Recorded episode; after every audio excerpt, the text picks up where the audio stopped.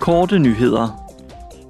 I dag vender en delegation fra udvalget om beskæftigelse og sociale anlægner tilbage fra et besøg i Sverige.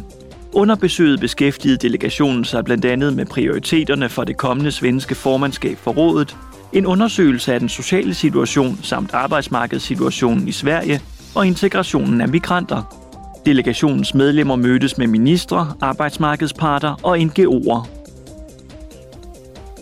Kroatien tilslutter sig euro- og Schengen-området fra den 1. januar 2023.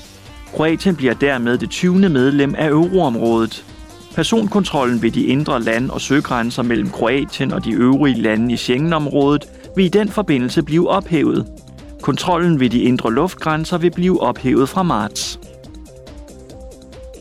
Ferskenlunden i Katalonien, Burning Days Kurt Gündler, Close, Triangle of Sadness og Will of the Wisp Fogo vil konkurrere om Lux-prisen, Europaparlamentets og det europæiske filmakademis europæiske publikumsfilmpris 2023.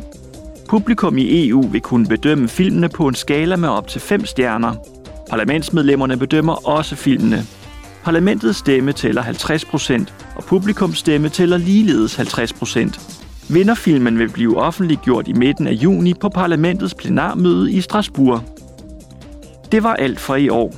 Vi vender tilbage den 9. januar. Indtil da ønsker vi jer en glædelig jul og et godt nytår.